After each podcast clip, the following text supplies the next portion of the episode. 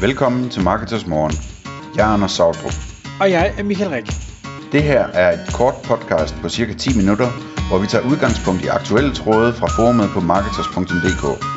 På den måde kan du følge, hvad der rører sig inden for affiliate marketing og dermed online marketing generelt. Godmorgen, Anders. Godmorgen, Michael.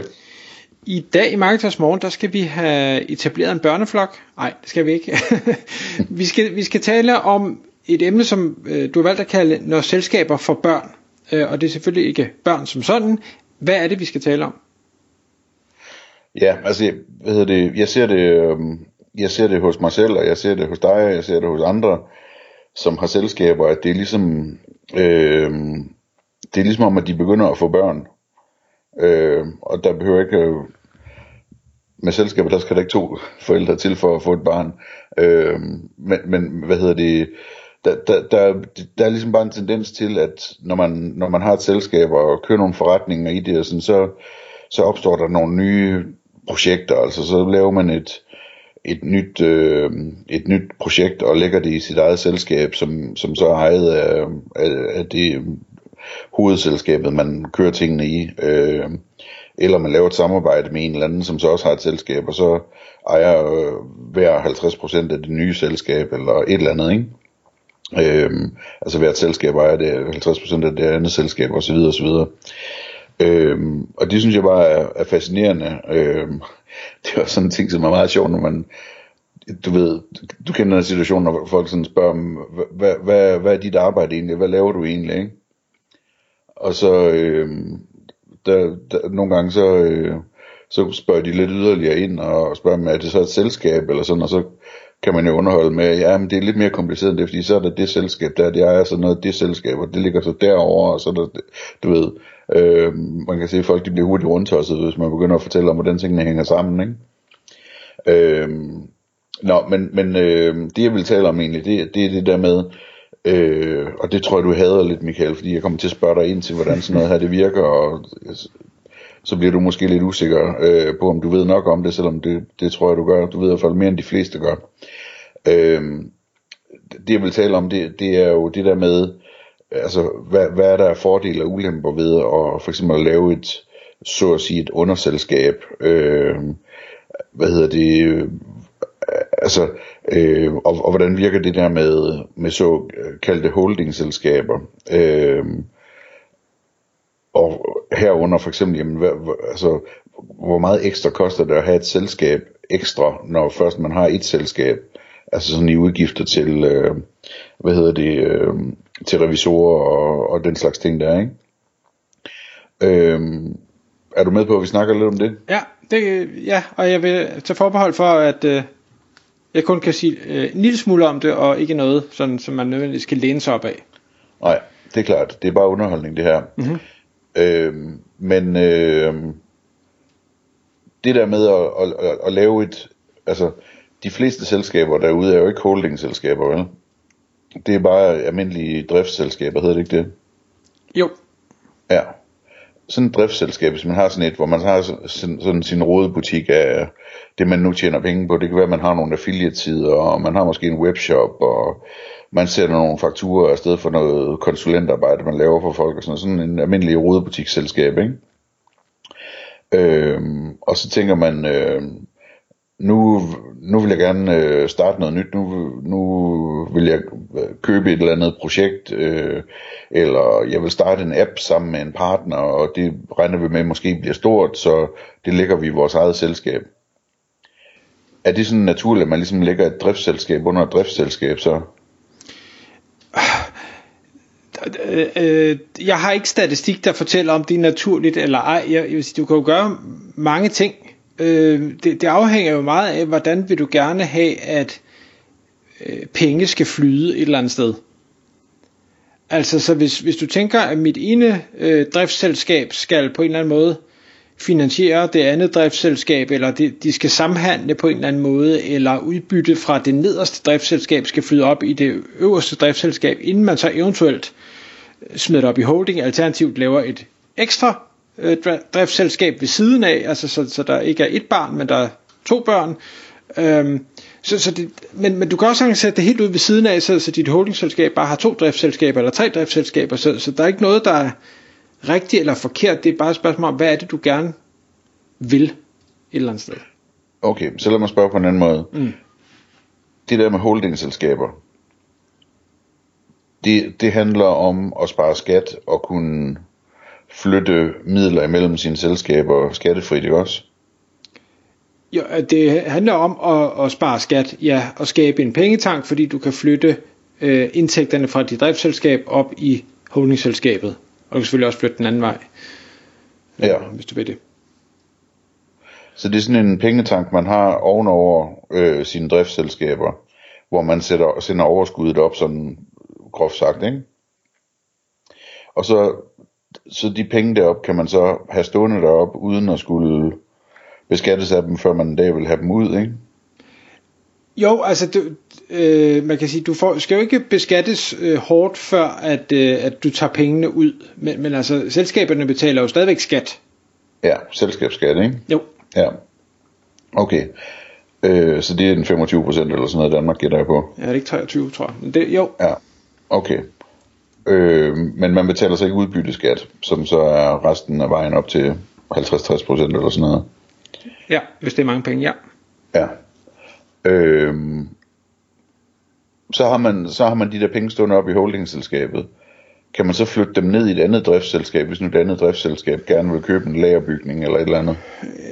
Det kommer an på, og nu, her der er jeg lidt på glat is. Jeg er ikke sikker på, du kan ikke bare sådan sige, nu overfører fra den ene konto til den anden, og så er det det, men du kan låne dem ud til driftsselskabet på det skal garanteret være markedsvilkår, men jeg tænker, du behøver ikke lægge dig på den, den højeste rente, hvis, medmindre det, øh, det er det, du gerne vil. Øh, det, det kommer an på hvad, igen, hvad formålet er. Og, og der kan man jo sige, at lige med, med den øh, er der jo en fordel i at have driftsselskaberne ved siden af hinanden, i stedet for under hinanden, fordi ellers, hvis du skal have noget fra holding ned til det nederste driftsselskab, så skal du have det gennem flere selskaber, det begynder at blive lidt åndssvagt. Øhm, og, og samtidig en anden fordel ved at have driftsselskaberne ved siden af hinanden kontra under hinanden, det er, at hvis du nu tænker, eller hvis der pludselig kommer en og siger, hey, jeg vil gerne købe den her forretning, jamen så er det lidt nemmere at sælge øh, et, et øh, løst driftsselskab fra, kan man sige, der bare ligger under et holding, end hvis du har en kæde af, af syv driftsselskaber ned i en lang øh, perlerække, og så sælge nummer fire, der ligger midt inde i det hele, det bliver noget rod. Ja, men hvis det ligger ned, så er det det samme. Hvis du ligger ned, så er det det samme, ja. Okay. Okay. Interessant.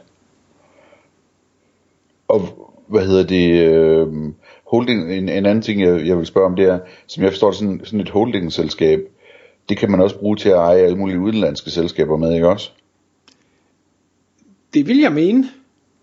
Jeg tror i princippet kan det vel eje næsten, næsten hvad som helst. Okay. I sådan et holdingselskab laver man så også investeringer der i, eller hvad? Altså, hvad hedder det? Øh, så har man sådan en pengetank stående der. Er det så typisk, at man så investerer dem, altså lader holdingselskabet investere i aktier eller et eller andet, eller Jeg, jeg tror, jeg igen tror, at det er meget forskelligt. Øh, det er jo giftigt at have så mange kontanter stående, ikke? jo, det er giftigt at have så mange kontanter. Jeg tænker også, at man, man formentlig placerer pengene til et eller andet sted, men om det lige, jeg, jeg tror ikke, at vi, igen, vi kan jo ikke sige noget generelt, for folk gør alle mulige ting, men, men ideen med holdingselskabet er jo at bevare øh, pengene et eller andet sted, så jeg tror ikke, man går ud og laver sådan en masse spekulative investeringer med det. Det kan være, man sætter det i obligationer eller et eller andet, der giver et, et fornuftigt afkast. Øh, men, men skal du ud og, og gamble eller, eller øh, tro på, at man er dygtig til et eller andet, så, så stifter man formentlig et andet selskab til det formål øh, og kanaliserer pengene derhen, hvis, øh, hvis man har brug for det. Ja, ja. Fordi det, det der jo er med holdingselskabet, det er jo, at det, det er holding, altså det holder på noget. I det øjeblik, du begynder at sige, nu, nu tjener jeg, nu, nu laver jeg alle mulige aktiespekulationer og daytrading og ting, og så, så er det jo ikke rigtig holding mere, så er det jo pludselig drift med investeringer. Eller handel. Øhm, Okay. Hvad med udgifterne? Øhm, hvad hedder det? Øhm, hvis vi nu bare tager sådan, du har et driftsselskab, sådan en rodebutik, som jeg, jeg beskrev, så nu skal vi lave en app sammen, og så nu laver vi et nyt driftsselskab, du og jeg sammen under, under mit og under dit driftsselskab, ikke?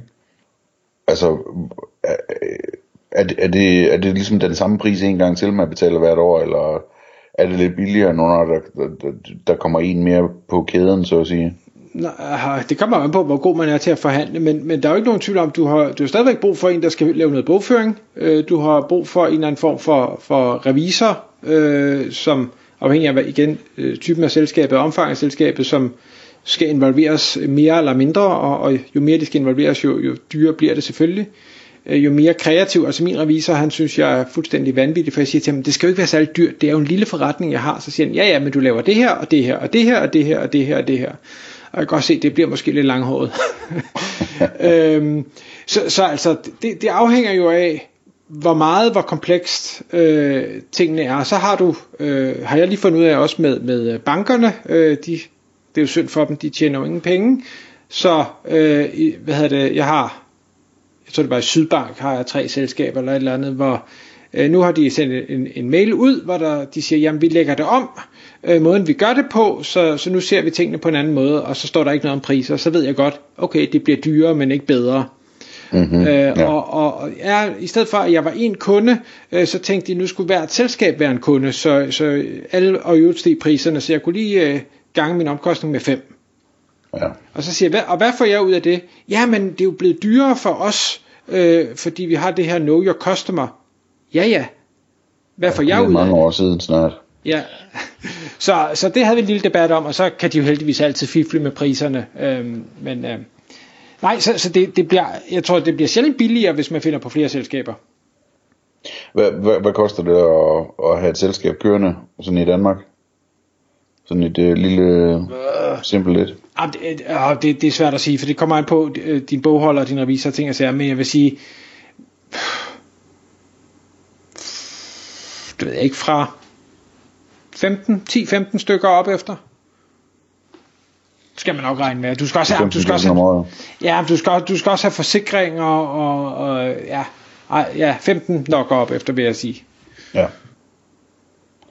Okay. Altså hvis vi snakker apps og den slags, hvis man har et, et, et lille enkeltmandsvirksomhed og sådan noget, så er det noget andet, for så har du ikke helt de samme krav. Ja, nej, jeg snakker, jeg snakker rigtige selskaber her.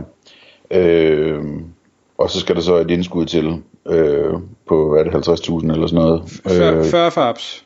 Ja. Men øh, det kan man jo nemt lave på forskellige måder med fra sit, sit andet selskab, hvad end der ligger over det, ikke? Aha. Men jeg synes, jeg, hvad hedder det, øhm, det er blevet, nu er den her podcast også blevet til lidt, lidt af en rodebutik, ikke? yeah. Men det, mit primære formål, udover sådan at, og, øh, at få lidt informationer ud af dig, om, og få informeret folk lidt om, om det, ikke? Øhm, så er det bare det der med, at, at jeg synes, det er fascinerende, hvordan, du ved, når man kommer fra et ganske almindeligt liv som lønmodtager, som øh, ja, vel både du og jeg, vi startede ud med i sin tid, ikke? at, at hvordan tingene så ligesom udvikler sig, og, og så lige pludselig, jamen, så har man en forretning, det er måske en enkeltmandsforretning, ikke? Øhm, og, og så lige pludselig så har man selskaber, og, og så lige pludselig så har man flere selskaber, og det er bare sådan fascinerende, synes jeg, at, at øh, stille og roligt at indse, at det er den måde ting, de virker på, at det går i den retning, ikke? At selskaber får børn, for eksempel. Og, og øh. en, lige, lige en, en sidste ting, jeg kan supplere med, som jeg også oplevede for, for nylig, det er, øh, når så man fortsætter sit sit private virke, og, og lad os sige, at man, øh, man skal købe et, et nyt hus eller et eller andet, øh, det kan godt blive lidt langhåret i forhold til banken, som jo selvfølgelig gerne vil se nogle tal, og det første de slår op, det er, at de siger, nå, du får ikke nogen løn. Nej, det gør jeg ikke. Øh, og i øvrigt så har jeg de her selskaber, nå, men så vil vi gerne have regnskaber for det hele, og budgetter for det hele, og så, øh, så er der måske nogle udlejningsejendom, det skal vi også lige forholde os til, og, og man bare hører, at de bliver sådan helt trætte i den anden ende, og det gør man også selv, fordi man skal sende så mange dokumentation. Så, så nogle gange så er det altså bare nemmere at få en løn, og, og ikke andet. Ja, ja. Men det, altså det, det har man jo så også ofte mulighed for selv at styre i sine selskaber, om man får en løn, ikke? Jo, jo, jo, præcis. Øh, men, øh, men ja, det hører man meget det der, at øh, det er besværligt at finansiere. Men øh, ja, så må man jo bare købe de hus kontant, Michael. Det er rigtigt.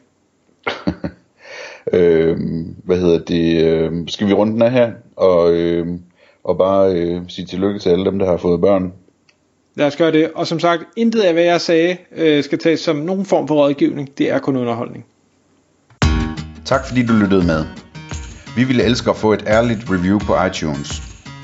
Hvis du skriver dig op til vores nyhedsbrev på marketers.dk-morgen, får du besked om nye udsendelser i din indbakke.